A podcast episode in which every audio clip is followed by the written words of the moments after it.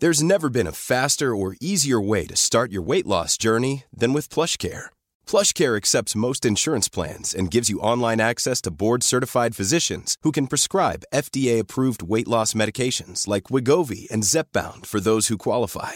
Take charge of your health and speak with a board-certified physician about a weight loss plan that's right for you. Get started today at plushcare.com slash weight loss. That's plushcare.com slash weight loss. plushcare.com slash weight loss. Namnen på ölen, det är ju låttitlar nästan alltid. Eh, ja, inte Winter Porter då, men, och inte Into the Wild heller. Men, och inte Keller Beer. Men annars, det är nästan alltid sådär. Jag kommer inte på vad ska den här heta.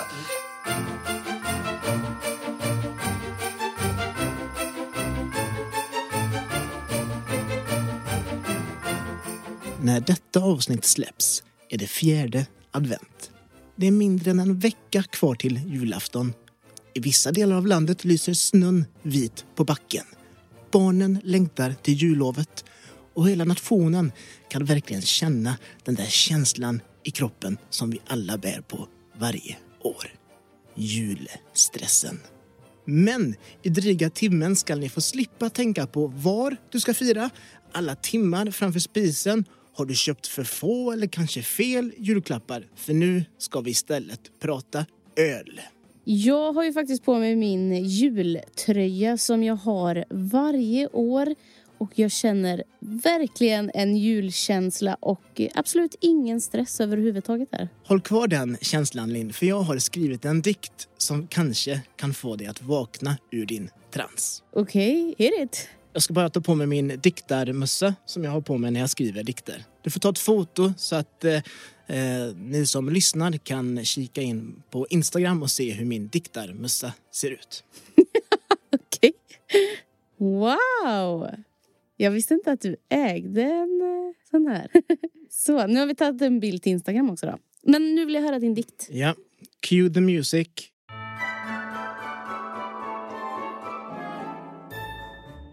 Nu tändas tusen juleljus från september fram till mars. Energi finns plötsligt i överflöd när vi firar julefars. Det glittrar i buskar och glimrar på gator. Juleljus vart fasiken vi vill. Ett kvartals slöseri kompenserar vi fort. Det är ju för fan därför Earth Hour finns till. God jul önskar Svennebanan. alltså jag tycker du är väldigt bra på att uh, läsa dikter. Även om de är lite så bittra. ja, men uh, jag är glad att jag har dig som fan. Motvilligt fan, för du gillar ju julen. Uh, och gillar mina dikter. Men nog om julen. Nu ska vi faktiskt till Kristoffer Drotz på Proton Brewery. Och vad har vi på Proton Brewery, Linn? Proton Brewery ligger i Dalsjöfors i Borås kommun. Och eh, namnet kom eh, för att Kristoffer ville ha ett neutralt namn som ligger sådär gott på tungan och syftar till estetiken han kallar atompunk. Och i Protons ölpub är det alltid ett nytt sortiment då variation är Kristoffers starka sida. Mer om detta kommer vi såklart få höra i avsnittet. Innan vi kör igång vill vi återigen tacka Creopac.se som är med som samarbetspartner även denna veckan. Tack tjejer! Eh, vi kommer få höra mer från dem senare, men nu lämnar vi över till Kristoffer i Dalsjöfors. Kristoffer heter jag, driver Proton Brewery här i Dalsjöfors. Det är bryggeri och och bryggpub som jag driver på deltid och så frilansar jag som grafiker också. Så jag jobbar ju här på bryggeriet hela tiden. Vem är du eh, utanför bryggeriet? Nu för tiden är jag mest eh, förälder utanför bryggeriet. Jag var nog mycket mer innan. Eh, spela musik och sådana grejer. Nu är jag mest hemma. det blir så. Hur gamla är barnen? Sex och nio år gamla. Är du ensam här och driver Proton Brewery? Ja, än så länge i alla fall. Mm. Sen har jag ju kompisar och framförallt en kompis som hjälper till väldigt, väldigt mycket. Mm. Som är hembryggare som tycker det här är lite kul. Som nog, utan han hade det nog inte varit ett bryggeri heller. Han kan sånt som inte jag kan också och det är att, att bygga. Den lilla detaljen. ja. Men hur kom det sig att du startade det här bryggeriet från början? Från allra första början är det så många andra hembryggare som jag varit i många, många år. Och sen har man väl så här gått och smådrömt lite om ett bryggeri. Eh, sen var det faktiskt han som har restaurangen här i samhället som bara, nu finns det en ledig lokal, den är billig. och sen var det också då att det finns, ja vi kan ju kika in det sen, det är ju, var ju hyfsat färdigt med eh, ja, rejält med el och avlopp och vatten och sen är ju lokalen snuskigt billig också. så det spelar ju roll. Så jag tänkte att ah, jag kör. Så jag brukar vara ganska spontan när jag kör igång grejer. Kul. Hur eh, började intresset då eh, med hemmabryggeriet? Det börjar ju lite att jag blev intresserad, när kan detta varit, tio år sedan sådär av, av öl. Det var ju då det började bli lite roligare med öl också. Och sen helt plötsligt så bara läste jag om eh, ja, hembryggeri en kväll och så bara så här, oh det här verkar kul. Och så eh, ja, kom något sorts hyperfokus igång på det som jag, jag har. Alltså, är du sån som eh, när du hittar någonting du vill göra så är det det till 100 procent? Ja, det är det. Verkligen. Eh, och så börjar jag ju nörda ner mig något fullständigt. Liksom. Börjar ju lite hafsa sig fram lite där med och göra lite misslyckade batcher och sen så börjar man ju läsa böcker om vatten och böcker om jäst och böcker om allt som har med bryggning att göra och bara mal, liksom malde ner i det. Liksom. Det är ju sådär. Det är väl det. Köpte du ett bryggverk eller kokade du i kastruller? jag börjar med brew in a bag om ni vet vad det är. Men det inte, var det inte det som vi gav oss på en gång? Kanske. Tyg, gryta. Nej, då, nej, vi hade något ännu enklare. Något så Det funkar ju som vanligt. Liksom. Man mäskar ju allting men så gör man det i en tygpåse. Sen uppgraderar jag mig till en um, kyllåda så, som jag mäskar i. Och sen blev det bryggverk ganska långt senare faktiskt. Är det mycket pengar att investera i, i, i eh, bryggverken och eh, kyl... eh, Menar du för hembryggeriet eller för det kommersiella? Både och. Vi börjar med hembryggeriet då. Ja, det kan ju vara jättebilligt. Jag har aldrig varit så mycket prylmänniska liksom, så sett. Utan jag tycker själva, det är mycket roligare med själva processen och allting. Liksom. Eh, och då som Bruna Bag behöver inte vara så dyrt. Liksom. Man behöver inte så mycket grejer. Men det har ju förmåga sen att Sen blev det ju fat och sen blev det ju flaskfyllare och sen blev det bryggverk och sen blev det mer fat. Och det är ju inte...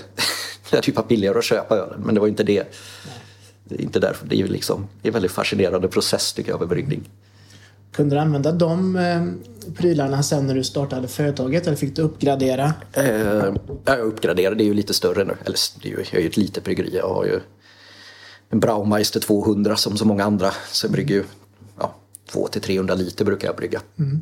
Hur har liksom resan sett ut? Nej men jag börjar ju, ja först tog det ett tag och innan allt var färdigt här. Eh, sen så skulle jag bestämma mig för att bara satsa på krogar i stan till att börja med. För systemet eh, är för krångligt för mig som är liten. Plus att flaskningsutrustning är ju en, ja, en flaskhals. Det tar sån tid. Ehm, och så började jag med det tills jag insåg också att här, det, är ju, det är ingen guldgruva med att ha bryggeri. Eh, Särskilt inte i den här storleken. Ehm, Så då kom jag på att jag skulle starta igång den här bryggpubben då, som man i alla fall kunde... För annars blir det ju bara en avancerad hobby känns det som lite grann då. Eh, Att man jobbar väldigt mycket för väldigt lite. Och så kom pandemin. och så blev det en liten paus och så drog jag faktiskt igång med bolaget en sväng i våras. Eh, Bryggde väl ett par batcher bara att leverera men det var ju det tar sån tid att stå flaskan, ni får ju se där inne sen manuellt. Det är ju, var inte värt det. Nu ska jag i och för sig leverera igen nästa vecka för jag har ju fortfarande kvar det fast det har ju varit slutnoterat nu sen i juni, juli någon gång. Uh, nej men och nu, ska jag, nu håller jag på då och så har jag ju ja, byggt den nya fatölsanläggningen här. Håller på att fixa till lite det sista med belysning och lite nya tavlor och snygga till lite här och ska röja upp här. Och så kan man väl säga att december drar det igång på riktigt igen och då blir det första huvudfokus blir ju bryggpubben. Ehm, och sen, ja nu hade jag ju en av mina stora kunder i stan försvann under pandemin, Bishop Arms. Så jag ska se, för jag har ju, jag har ju säljer ju här lokalt då, uppe, uppe här. Och så har jag ju haft några i stan, men saker har ändrats lite. Så just nu finns jag bara på en restaurang inne i Borås då. Men jag har en annan som jag har förhoppningsvis ska börja ha på också. Är det mycket byråkrati för att få till en bryggpub? Ja, Hur går det med det då? Är det klart? Att... Ja, det är klart. Alltså, det, det blev klart förra året. Jag hann ju köra igång lite grann innan andra vågen kom. Och sen valde jag och kunde väl ta emot privata bokningar men det kom ju inga. Allt jag hade, för jag hade jättemycket bokat. Allt blev avbokat. Och sen har jag ju kört till allmänheten då som jag hade tänkt köra en till två gånger i månaden att det är öppet och komma hit. Då. Men jag den här lilla lokalen och pandemin, andra vågen, så jag, nej. Så det har kändes stått still. Var det läskigt? Oj, vad händer med firman nu? Eller? Ja, det var inte så roligt faktiskt eftersom det kostar ju serveringstillstånden i Borås kommun är väl bland de dyraste i landet också. Liksom. Och så hade man, ja då hade jag lite enklare, då körde jag på mina sådana portabla fatölsmaskiner och sådär men eh, det kostar ju ändå. ja, även om det är mycket sådär loppismöbler och sådär så det kostar ju på att dra igång. Det är 12 stycken kranar. Men jag ser bara nio stycken öl här på Ja, jag har, eh, tavlan. det är fler på gång nu. Spännande. Är det något du kan berätta om? Är det några, några, nyheter eller? Nej, den ena är ju, den har ju faktiskt bara tappat upp ett fat av det, porten. Det är väl det nyaste. Eh, och sen har jag en vanlig gose som en suröl då. Som eh, ska tappas upp imorgon. Eh, helt, ingen frukt. Det är väldigt exotiskt idag kanske. Ingen frukt, ingenting, bara klassiskt. som de gjordes förr. Eh, sen har jag i och för sig två fruktade påkopplat just nu då. Men tyckte det var kul. Jag börjat bli så här gammal och konservativ. Men jag tycker det är väldigt kul att göra klassiska ölstilar. Ja, detta är ju i grund och botten är det en gose. En, det är ju faktiskt en gammal ölstil fast den är ju i lite modernare tappning. Eh, Så det är ju skogsfrukt i En gose är ju också en suröl bryggd med koriander och havssalt. Men i den här är det även eh, en jäkla massa skogsbär och vanilj. Du gillar ju vaniljsås, Linn. Kan, kan du inte berätta vad du gjorde, vad du gjorde förut? Jag skulle hälla lite sås på min sallad. Mm. Det var bara det att jag råkade ta fel. Ja, Jag tog vaniljsåsen. ni var där uppe ja. Den står nästan jämte där också. det gjorde Har du råkat ut för det också? Nej, nej, jag, men jag vet, kan förstå att det, det kan hända. Så att det, det råkade hända för jag tänkte, men gud vilken knepig sås. Mm. Och sen så in, insåg jag ju sen när de började bära ut med massa efterrätt och folk började ta från den här på sin efterrätt att jag har Men nu ska vi dricka en varsin goser här. Och är det den som heter Into the Wild? Into the Wild, ja. Det är den som kommer lokalt på bolaget nästa vecka. luktar jättefruktigt. Den är väldigt fruktig.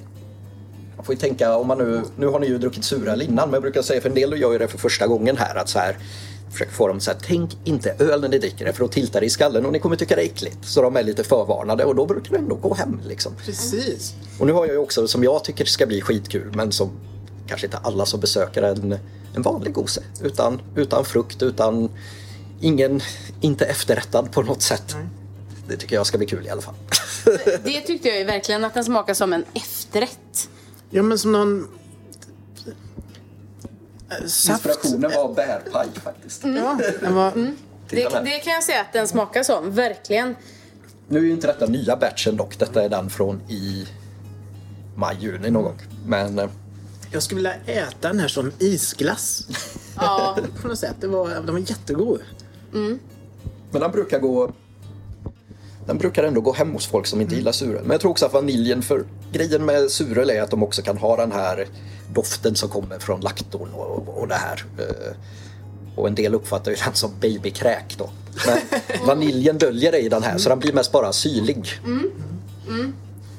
Men det var bra det här du sa att tänk inte att det är en öl. För då fick man... Då hade man inte den här... Fast det är ju en öl. Ja, men- suröl. Ja. Men den smakar ju inte om man är... För jag har ju folk här som i, kommer direkt och bara har druckit ljus Mm. industrilager hela livet. Liksom. Och det här är ju lite av en... Ja, långt ifrån det. ja men det är... Jag tycker att suröl kan smaka lite distinkt. Det skär sig. Den här var ju bara silkeslen. Och smakar så att det inte kvar så länge i munnen. Det, det, det, det, det gillade jag. Men jag vet inte. Och det är inte... Ja. Är det det? Men det är ju massa, massa frukt i den ju. Ja. Massa frukt är det verkligen i den. Vad, köper man frusen frukt då, eller hur gör man? Jag även puréer till de här, Ja. färdigpuread eh, s- som är det är framförallt för att den är, för jag slår i det i, i, under jäsningen och då är ju den färdig steril, heter det så. Ja. Inga basilusker kvar. Pasteuriserad är den kanske det heter. Finns du på systemet? Mm, ja, till och från. Ja. Nästa vecka kommer det finnas igen. Eh, för då ska jag leverera ja, den bärsurisen där. Jag har haft en pale ale som jag ska brygga nästa vecka. Ändå, för jag tänker att jag ska... Och så ska jag leverera den här surisen. Sen ska jag plocka bort surisen från bolaget för den... Eh, ja, bara ha en American Pale Ale där ett tag. Hur många timmar har du framför flaskmaskinen nu då? För att kunna... Eh, Tumma tanken är en dag. Och det är ju att tumma 250 liter. Det är inte sådär supereffektivt. Men det är lite, folk vill ju ha det också så då får man väl ta det. Man syns ju också. Vad är din favoritöl om du skulle få välja Av mina egna. något? Av alla liksom. Jaha, det varierar väldigt, väldigt mycket. Det pendlar. Men jag har ju alltid sådär som jag kanske egentligen inte tycker är världens bästa öl men av någon anledning alltid kommer tillbaka till. Det är Saison du Pont till exempel. Den, det är en sån här öl jag alltid kommer tillbaka till. Så det kanske är någon av mina favoritöl. Eh, Det byts ju väldigt mycket hela tiden. Ehm, Vad är det som är så speciellt med Saison DuPont då? Nej, jag tycker bara den är, det är en av de bättre säsongerna. Den har allt som jag gillar i, i en säsong. Den är så kryddig, lite pepprig, fruktig.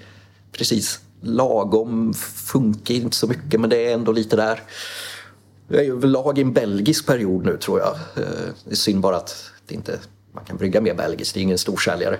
Fast det kan jag pracka på folk här i bryggpubben i alla fall. Jag gör provsmakningsbrädor då. Eh, Så det är framförallt det folk köper. Din egna favorit om du ska välja en av ditt eget sortiment? Bara på den här, vi ska se. Det är två av de här ölen som är bryggda mer än en gång. Okej. Eh, Och det passar ju mig också, det var det här med krogar innan då. Att jag kan liksom eh, ja, brygga lite vad jag vill. Så att det inte blir för mycket av ett industrijobb att bara stå och göra. Och plus att jag har det här bryggpubben, att jag kan göra ny öl hela tiden. Men just nu skulle jag säga att det är porten jag gillar bäst faktiskt. Ja, ni dricker eh, Winterporter, Winter Porter ja, 2021. Jag tror det här är något jag kommer göra varje år i lite olika versioner. Som är en eh, havreporter. Ehm, det är eh, rätt mycket choklad i smaken tycker jag. Framförallt i eftersmaken ligger något mjölkchoklad. Ehm, Ganska lättdrucket. Den har gått hem. Eller lätt, allt är ju relativt. Det är mycket smak i det. Men en, en, en trevlig mjuk chokladkaffe i porter. Är du beredd? Den luktar väldigt gott. Jag vet inte, luktar man på öl när man provsmakar? Ja. Det får man göra. Eller det är upp till, man kan dricka precis som man vill. Jag är faktiskt inte så snobbig med sådana. Jag själv gör ju det. Brukar både lukta och... Men jag tycker att man dricker på det viset man gillar att dricka. Jag tycker den var jättegod. Den var verkligen lättdrucken också. Men den är ändå lite gräddig och fyllig tycker jag. Och så har den det här chokladkaffe. Men utan att vara liksom för... För jag upptäcker med folk som inte gillar porter och stout att det är framförallt när det börjar bli för brända smaker som de det inte brukar gå hem. Men Den här var lättdrucken. Jag, jag kan vara lite...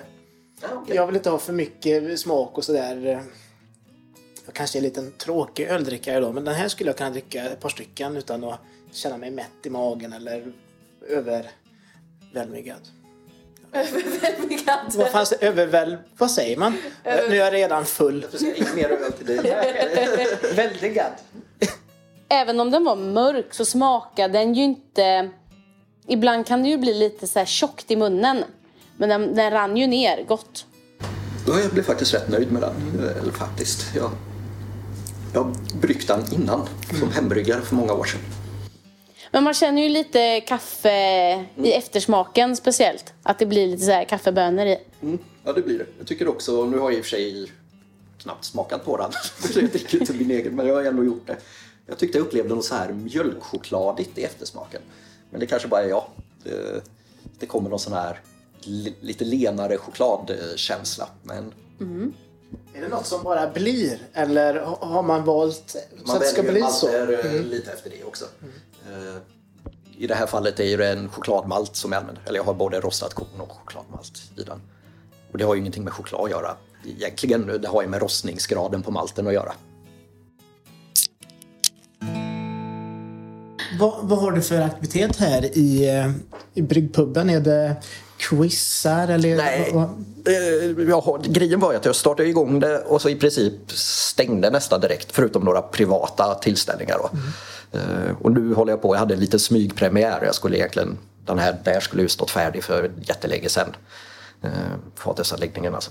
Eh, Men nu har det bara varit provningar. Det kommer ju utvecklas sen då. Men jag har inte hunnit tänka riktigt eh, så långt då. Utan antingen där ska det ju vara då till allmänheten. som man ska köra nästa nu 4 december. Då är det bara att boka bord och komma hit och ja, testa igenom öl. Mm. eller så är det att man bokar en privat och då står jag och tjötar en massa om ölen. Och jag får säga att det, är, det är både väldigt lite och väldigt mycket tankar. Det brukar vara sådär, jag dricker någonting, en ölstil och bara, men det här, det vill jag göra. Eller får infall att så här, det här var länge sedan jag bryggde, nu gör jag en stout eller nu gör jag en porter eller ja, belgisk enkel till exempel. Den gjorde jag ju för, ett, ja, det inte, eller patterspir.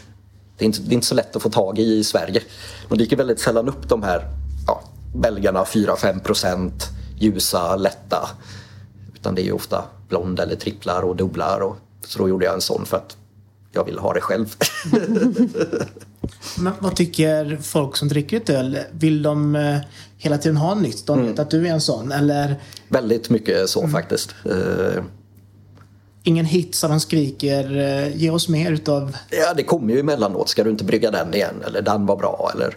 Men samtidigt så är att det är ju ändå... Ja, IPA gör jag väl mest av. För att framförallt är det vad krogarna vill ha. Det är den nya stora starken börjar jag tro nästan. Alltså. Ehm, och där är ju ändå liksom grunden ser väl lite likadan. Det är ju liksom, det är ju den moderna IPAn, New England. Nu ska jag faktiskt i och för sig ha på schemat att brygga en klassisk IPA. Lite, lite maltigare sak med ja, med Cascade-humle och, och lite sådär. Som av någon konstig anledning nästan är old school nu. Ja, Då går det fort i ölbranschen. Att, eh, det är hela tiden nya smaker, nya Ja, men trender. IPA är nästan synonym nu med New England IPA. Liksom. Och det är, jag gillar väl en bra New England IPA men det är tjötigt. Ja. Sen är de i och för sig rätt kul att göra sådär så. Men...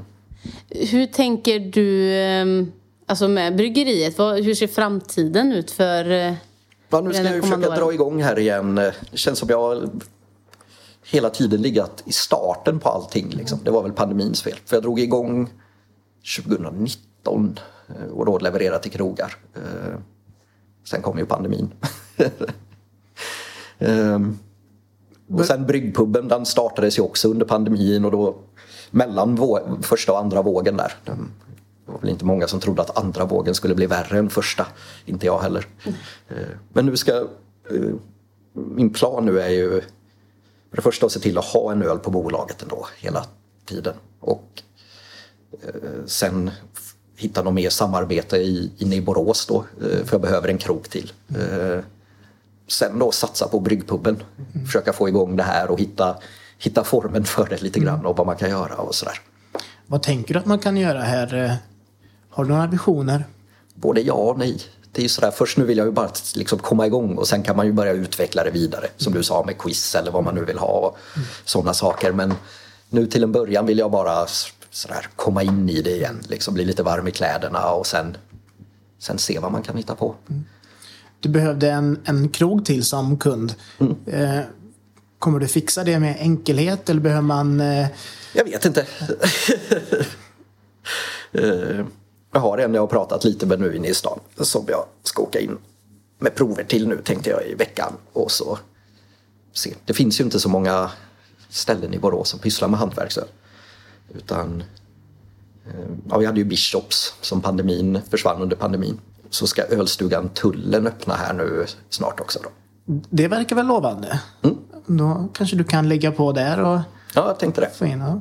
Kul. också. Men det, det ser ju ändå ut som att det kan bli en ljus framtid. Ja, det tror jag. Annars, hade jag inte, annars hade jag inte fortsatt. Det är bara att man startar lite i fel tid, som säkert många andra gjorde också. Men Men tar man sig igenom pandemin och utan att konka, då, då kanske blir lite nedförsbacke sen, i alla fall Ja, jag mentalt. tänker det. Mm. Jag tänker det. Det är ju väldigt skönt att det här är över, är ju det inte, men jag tror ju det värsta är över i alla fall. Hey, I'm Ryan Reynolds. Recently, I asked Mint Mobile's legal team if big wireless companies are allowed to raise prices due to inflation. They said yes. And then when I asked if raising prices technically violates those onerous two year contracts, they said, What the f are you talking about, you insane Hollywood ass? F- So to recap, we're cutting the price of Mint Unlimited from $30 a month to just $15 a month. Give it a try at mintmobile.com slash switch. $45 upfront for three months plus taxes and fees. Promo rate for new customers for limited time. Unlimited more than 40 gigabytes per month. Slows. Full terms at mintmobile.com. Quality sleep is essential. That's why the Sleep Number Smart Bed is designed for your ever evolving sleep needs. Need a bed that's firmer or softer on either side? Helps you sleep at a comfortable temperature? Sleep Number Smart Beds let you individualize your comfort so you sleep better together. JD Power ranks Sleep Number number 1 in customer satisfaction with mattresses purchased in-store. And now save 40% on the Sleep Number limited edition Smart Bed for a limited time. For JD Power 2023 award information, visit jdpower.com/awards. Only at Sleep Number stores or sleepnumber.com. Kan du inte brygga en, en eh, ljus lager då, som kan heta En ljus framtid? är du en lagerkille? Jag gillar lager också faktiskt. Eh, tysk pilsner framförallt. Eh, ja, det är nog tysk pilsner egentligen som jag dricker i lagerverk. Tjeckisk kan också funka, det är också gott. Men det är den stil, eller stilen tysk pilsner. Lite, lite stramare och beskare och det är också något jag är väldigt förtjust i faktiskt. Men du pratar på att du skulle ha någon öl liggande alltid på Systembolaget. Vilken tänker du att det kommer bli? Eh, nu har jag ju fortfarande den nummer ett där uppe, Atomic Garden ligger ju fortfarande hos bolaget. Eller den finns ju inte på hyllan men det kommer vara, för den är lättare att göra en Ja, en surölen, det är lite mer projekt att behöva brygga den i tid och otid och ta upp bryggverket när vörten ligger och suras och sådär. Eh, och sen är ju planen som att jag ska brygga olika öl. Att jag kör en öl ett halvår och sen byter. Jag ska bara komma, komma in i det också. Så att det inte blir, jag tycker det är roligare på det viset. Helst hade jag ju velat liksom släppa flasköl när jag känner för det. Att så här, ja men nu gör jag en batch av den här. Det, det blir 500 flaskor. Och när den är slut så är den slut. Sen kommer nästa. Men att gå igenom eh, bolagets all byråkrati varenda gång. Och, och så många öl tycker jag ska drickas färska också. Och då liksom ska jag brygga den och sen ska den stå i fyra månader innan och hela offertförfarandet är färdigt. Liksom, nej. Jag hoppas ju på gårdsförsäljningen nu. Om vi snackar lite om eh, gårdsförsäljning då. Vad, vad tänker du om det? Jag hade gärna sett det, framförallt i formen. Det har ju funkat i Finland att de som under en viss årsproduktion kan sälja öl direkt från bryggeriet. Nu såg jag, det har ni säkert sett också nu när det pratas om det, att det måste ju till en... Förslaget tror jag är lite utformat så att det måste vara en rundtur eller en visning eller i samband med provning. Och det tycker jag det är, så, så jävla krystat faktiskt, rent ut sagt. Eh, Det är ju liksom sådär stackars människor som... För det är ju en begränsning i antal såg jag också. Liksom. Det kan man väl leva med för de flesta kanske inte kommer hit för en låda. Men eh, just det här... Ja, för man kommer ju ha stammisar. Särskilt för då kan jag ju börja jobba lite mer kanske som jag vill också. Eh, Och kanske ännu mer satsa lokalt och sälja direkt ur bryggeriet. Men eh, stammisarna när de för tjugonde gången sådär... Eh, Måste gå turen. eh, Kom här, eh, sådär, men jag har sett allting. Så här, nej, nej, nej, nej, inget snack om saken. Så här, 20 minuter ska vi jag berätta. Hur skulle du vilja att det såg ut då? Nej, att folk bara skulle kunna komma hit och handla För det är ju det är sådär... Hela den här debatten tycker jag är lite speciell. Liksom. Det känns som att å ena sidan motståndarna är ju tror ju det kommer ligga folk i driver aspackade här utanför men det är ju inte liksom det är inte de kanske med problem som går och köper IPOR för 35 spänn. Liksom. Det är ju, det är ju liksom en helt annan produkt och helt andra priser. Liksom. Och det är ju inte att Falcon kommer att ta gårdsförsäljning heller för det tycker jag inte, det blir ju lite konstigt. Eh, Jag kanske inte behöver det heller. Nej, jag tror inte de. Jag tror stora bryggerier, är man stor så tror jag bolaget är guld alltså. Eh, Det gäller för även för svenska hantverksbryggerier, de som är lite större. Alltså kan man komma in i liksom sortimentet där så är det, det är ju fantastiskt. Liksom. finnas i varenda butik i hela landet. Det är ju, det är jättebra. Men bolaget är ju inte gjort för oss i den här vi som brygger 2 500 liter eller ännu 200 500 liter eller ännu mindre. Liksom. Det hade ju varit jättekul att sälja lokalt och jag kan inte se på något sätt att det skulle hota monopolet. Jag, kan inte, jag tycker inte det. Liksom. Varför tror du att det kommer sånt här fegt förslag? Att de inte vågar släppa gårdsförsäljning fullt ut? Jag tror ju det handlar om att det skulle bli ett för stort kliv tror jag också.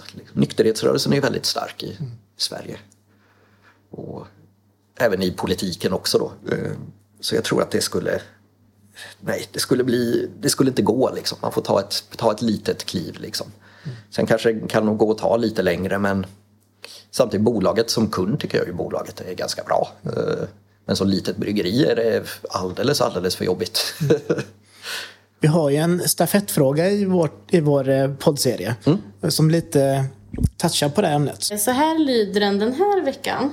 Hur han skulle vilja se hur Systembolaget skulle utvecklas. Ehm, I, dagsläget så har vi ju vissa kanaler som vi kan eh, gå via. Eh, och jag skulle nog vilja höra om han har någon uppfattning hur man skulle kunna få flera träffar in på olika systembolag och eh, hur, hur man skulle vilja se att Systembolaget utvecklas gentemot framförallt oss mindre bryggerier. Ja, det var ju intressant att det var där, det som var frågan när vi pratade om det. Alltså grejen är ju, det är ju det här som är lite knivigt också med bolaget för det blir ett långt svar tror jag. Eh, förr var ju det alltså så mycket skit faktiskt som kom in på bolaget. Eh, man får ju inte flaskraketer längre. Eller jag har inte fått det på väldigt länge eller totalt. När de, de gjorde väl om systemet, det var ju före min tid hur det funkar. Så jag vet inte exakt hur det var men det verkar inte varit så krångligt att börja sälja lokalt på bolaget i alla fall. För det var ju väldigt vad som helst så det fanns ju ändå en viss kvalitetssäkring. Men samtidigt så det måste vara lättare att börja sälja, nu pratar han om fler bolag men det, det, kan jag nog inte svara på. Men i alla fall lokalt att för det är ju en grej om man brygger en massa massa och kan ha med i beställningssortimentet eller kan liksom vara med och hamna i tillfälliga parti, liksom småpartierna där för de småpartierna är ju inte jättesmå heller. Jag är ju alldeles för liten för att vara med där. Ehm, men att man får en väg ut för tillfälliga öl hade jag ju i så fall velat se. Det var också svårt tror jag man skulle kunna få död på gårdsförsäljningsdebatten. Att sådär, snabb på de lokala man har, att man snabbt skulle kunna få in nu har jag gjort den här ölen. Liksom. Mm. Skulle inte konsumenterna uppskatta det? Det tror jag absolut. Och, och, varför tror du att det finns ett hinder? Eller att inte den kanalen, funktionen finns från systemet? Det är alltså, det är ju, alla har ju det lika. Alla. Det är ju i deras ögon så, alltså jag och Spendrups har ju samma väg in på bolaget liksom, och samma pappersarbete. Och, fast vi pysslar ju med helt olika saker. Och de kan ju ha någon som sitter anställd och bara jobbar med bolaget också. Ehm, men jag hade velat ha någon sorts väg in så jag hade kunnat jobba exakt som jag ville. Mm. Det är ju därav jag vill se gårdsförsäljning för jag vill kunna släppa en öl en batch och som jag lider mig igenom på stå flaska. Och för det är lite kul också. Och så liksom är det de här 500 flaskorna som jag släpper och sen damm så kan jag gå vidare till nästa. Men nu är ju det hela det här offertförfarandet så jag hade velat ha någon liten genväg in, in där. Eller gårdsförsäljning helt enkelt, att jag kan sälja direkt till, till kund här. Liksom. För det är som sagt, det, produkten jag har är så himla annorlunda. Och sen finns det ju också det här med tillgänglighet. Eh, De pratar ju om ökad tillgänglighet ökad konsumtion men eh, ja, det gör det enligt bolagets rapport om man buntar ihop då vad de kallar ekonomisk tillgänglighet och fysisk tillgänglighet. Då har de lagt ihop i ett begrepp. För det, tittar man på andra ställen eh, där de har haft monopol, delstater i USA och liknande. När de har släppt monopolet har inte konsumtionen ökat om inte priserna har gått ner, för då sticker den upp. Det är väl därför de klumpar ihop det, för de vill inte prata om att... För det är ju inte så, det är väl en grej om det inte går att få tag i alkohol överhuvudtaget, men nu finns det ju flera systembolag i varenda stad. Eh, Eh, så jag vet inte 17 om det skulle öka så, så himla mycket. Men det är, gårdsförsäljning är något som hade passat mig. Mm. Men just hans fråga kan jag inte helt, helt svara på, men någon sorts göra det lite lättare för en liten och För jag producerar ju inte heller så jag kan leverera till hela landet. Liksom. Det hade ju räcker med dem i Borås och kanske om jag något mer bolag om jag hade pysslat med det. Liksom. Men processen att komma in på Systembolaget, eh, du beskriver att den är lite tuff. Hur ser den ut? Alltså det är ju mest pappersarbete. Eh, och det är Ja, man måste ju ha, skaffa sig ett, ett system som pratar med bolagets system när man ska fylla i. Alltså som första gången jag satt och ringde ja, till, till kompisar som var bryggerier. Jag ringde till Erik på Berium och Johan på Nordic Artsan före detta businessman. Så här, du, vad, hur? Nej, och sen eh, när allting är ifyllt så måste det ju vara rätt ifyllt. Eh, och är det inte rätt ifyllt och deadline passerar så skjuts ju släppet en hel månad också.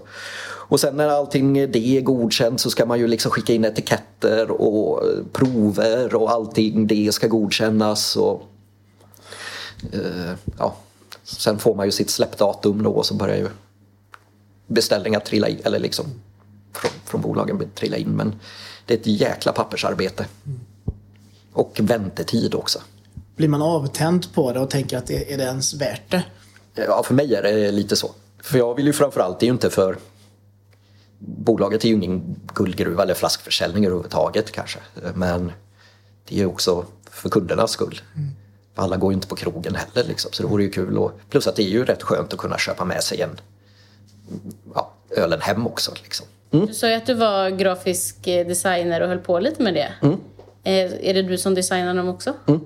Jag gör väl allt sånt själv. Eh, nu är det ju de flesta ölen har väl inga, eh, jo i och för sig jag gör ju en lapp, kranlapp då. För jag har ju inte gjort så mycket på flaska så det har inte varit så mycket etiketter att göra så. utan ja, men jag gör ju allting, allting själv där också, själva etiketten och de som vill ha, för en del har ju tavla istället då, men de som vill ha en lapp att sätta på kranen då så, så gör jag dem. Kan du beskriva din grafiska profil? Har, har du någon sån? Nej, det är ju det som är det, det är lite sådär, vad säger man, skomakarens barn går med trasiga skor.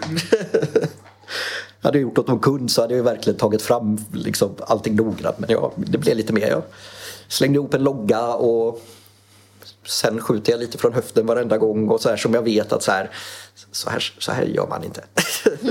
Samtidigt så är det också, det känns inte så, så supernoga. Det finns ändå lite röda trådar liksom. Det mesta är ju ja, det här med namnen på ölen det är ju låttitlar nästan alltid.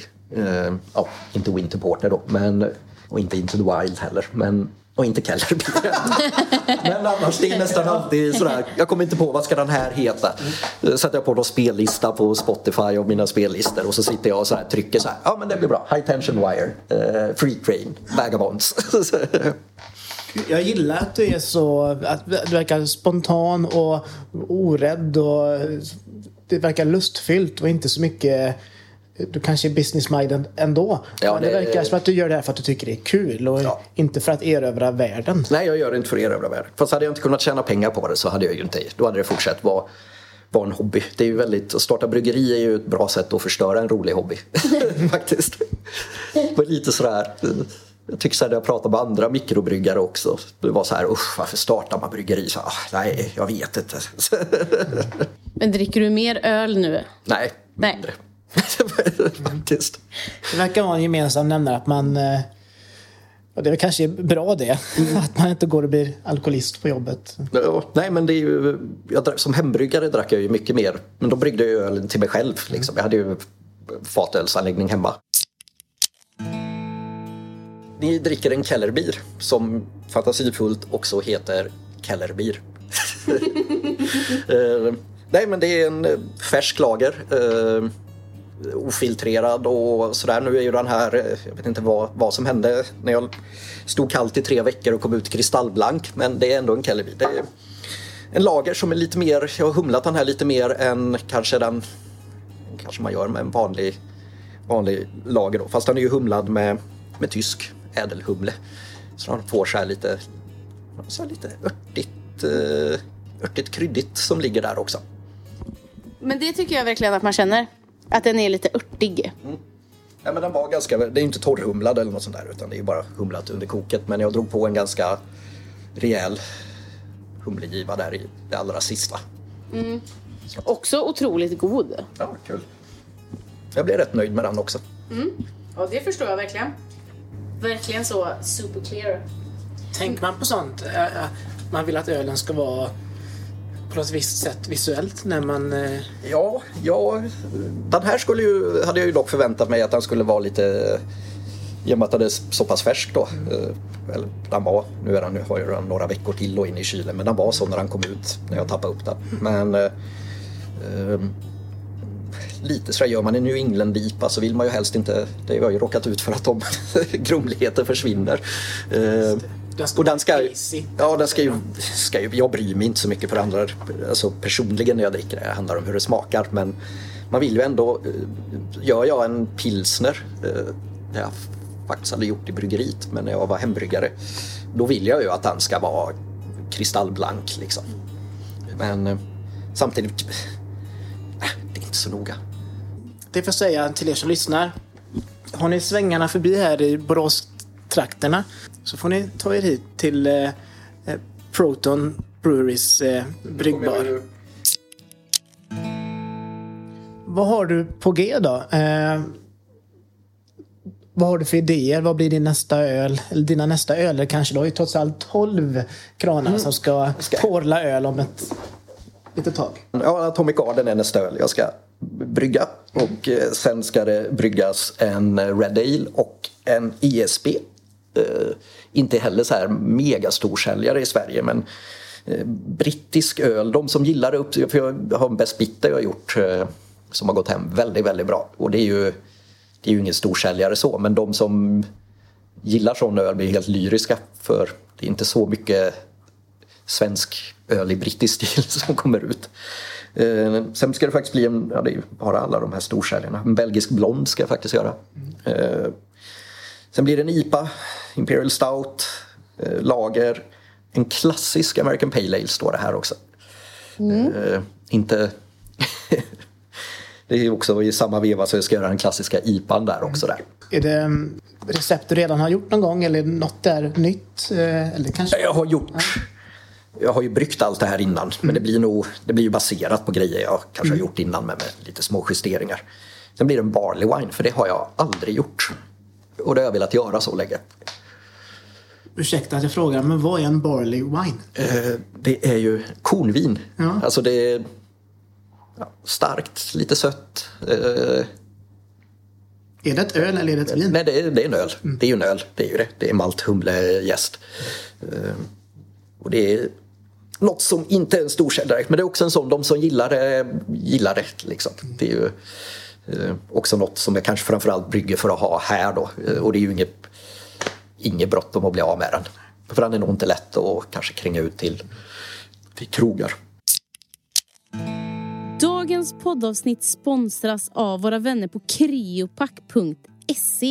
Och som ni har förstått vid det här laget så älskar vi kriopack.se. Och Kreopack levererar flaskor, kapsyler och flasklådor till hela landets mikrobryggerier och destillerier. Du kan handla direkt i deras webbshop på creopack.se eller kontakta dem för att få hjälp att ta fram en förpackningslösning anpassad just efter din dryck. Och just nu har de ett eh, julerbjudande på 4-pack och 6-pack Carry Home flasklådor.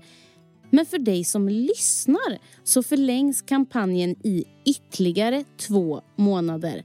Uppge sjätte ölsinnet i kassan och få hela 30 rabatt.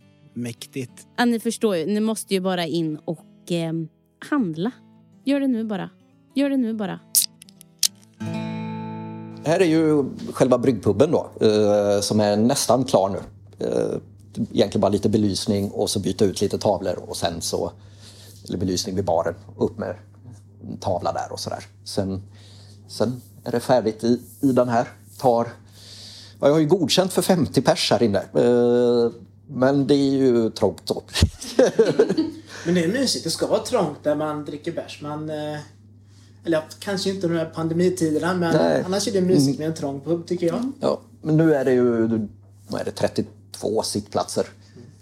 34 om man knör sig i soffan där nere. ja, går vi vidare bakom här till, eh, ja det kaosiga kontoret bakom fatölsanläggningen. Eh, ja, här är ju kylrum, det är ett kylrum som är fatölsanläggning nu och 12 kranar rätt i väggen. Eh, eventuellt 16 längre fram, men vi får se. Det känns som att det kan bli lite väl tufft att ha 16 kranar fyllda med öl hela tiden. Ja, och sen är det kaoslager här också då. Eh, så här brukar det inte se ut här, men just nu är det ju bara för jag håller på och, och gör om, så det är lite stökigt här. Och här inne är ju själva bryggerilokalen då. Eh, då hade jag en liten, eh, det är med de här jäkla fruktölen. Eh, Det luktar. Ja, det hade också en jäsning som sa kaboom. Eh, trots ordentligt med utrymme i jästanken. Så det är inte första gången det händer. När jag bryggde den sist så gjorde jag ett försökte jag ha ännu bättre marginal för det, det går inte bort. Liksom. Det var ett litet misstag att inte sätta klinkers över hela väggarna här från början. Men jag räknade inte riktigt att det skulle vara så slabbigt som det är. Ja, det blir väl 300 liters tankar eh, som jag ska skaffa två till här sen så fort saker börjar snurra igen. Hur får du in dem? De är stora. De kanske går in genom... Ja, med minsta möjliga marginal.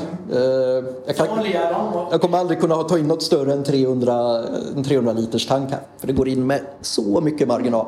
Det var inget kul. Och så finns det ju ingen, som ni såg också, så det var ju vanlig ytterdörr och ingen lastbrygga. Den väger ju över 200 kilo. Det var inte så kul. Nej. Ja just det, ja. här har ni orsaken till att jag inte gillar att flaska då. Det är ju tre mottrycksfyllare som jag har monterat på en ställning då så jag fyller ju tre flaskor samtidigt. Nu är den ju inte helt ihopsatt här. Där står jag och fyller manuellt och så kapsulerar manuellt. Därav att jag inte älskar det här med flaskning faktiskt. Nej, det kan jag förstå. Det är lite terapiarbete. Men um, på med en bra podd och så till, till viss del ett hantverk och till viss del vetenskap med ölbryggning.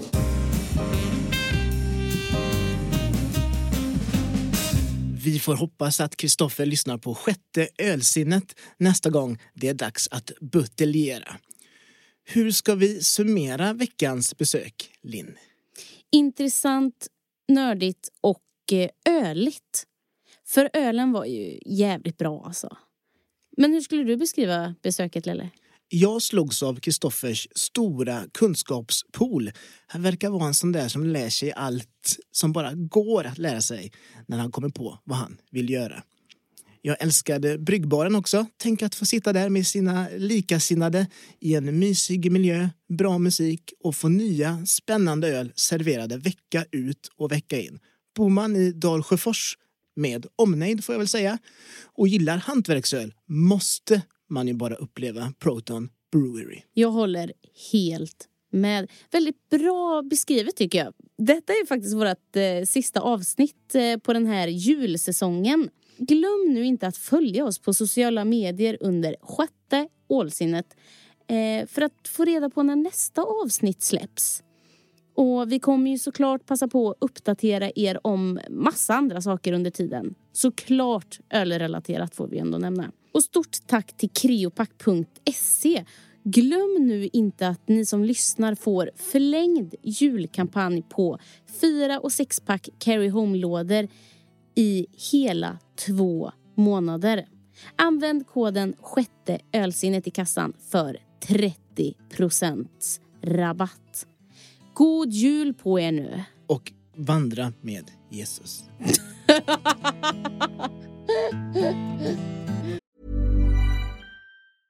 Planning for your next trip? Elevate your travel style with Quince. Quince has all the jet setting essentials you'll want for your next getaway, like European linen, premium luggage options, buttery soft Italian leather bags, and so much more. And is all priced at 50 to 80% less than similar brands. Plus, Quince only works with factories that use safe and ethical manufacturing practices. Pack your bags with high-quality essentials you'll be wearing for vacations to come with Quince. Go to quince.com slash pack for free shipping and 365-day returns.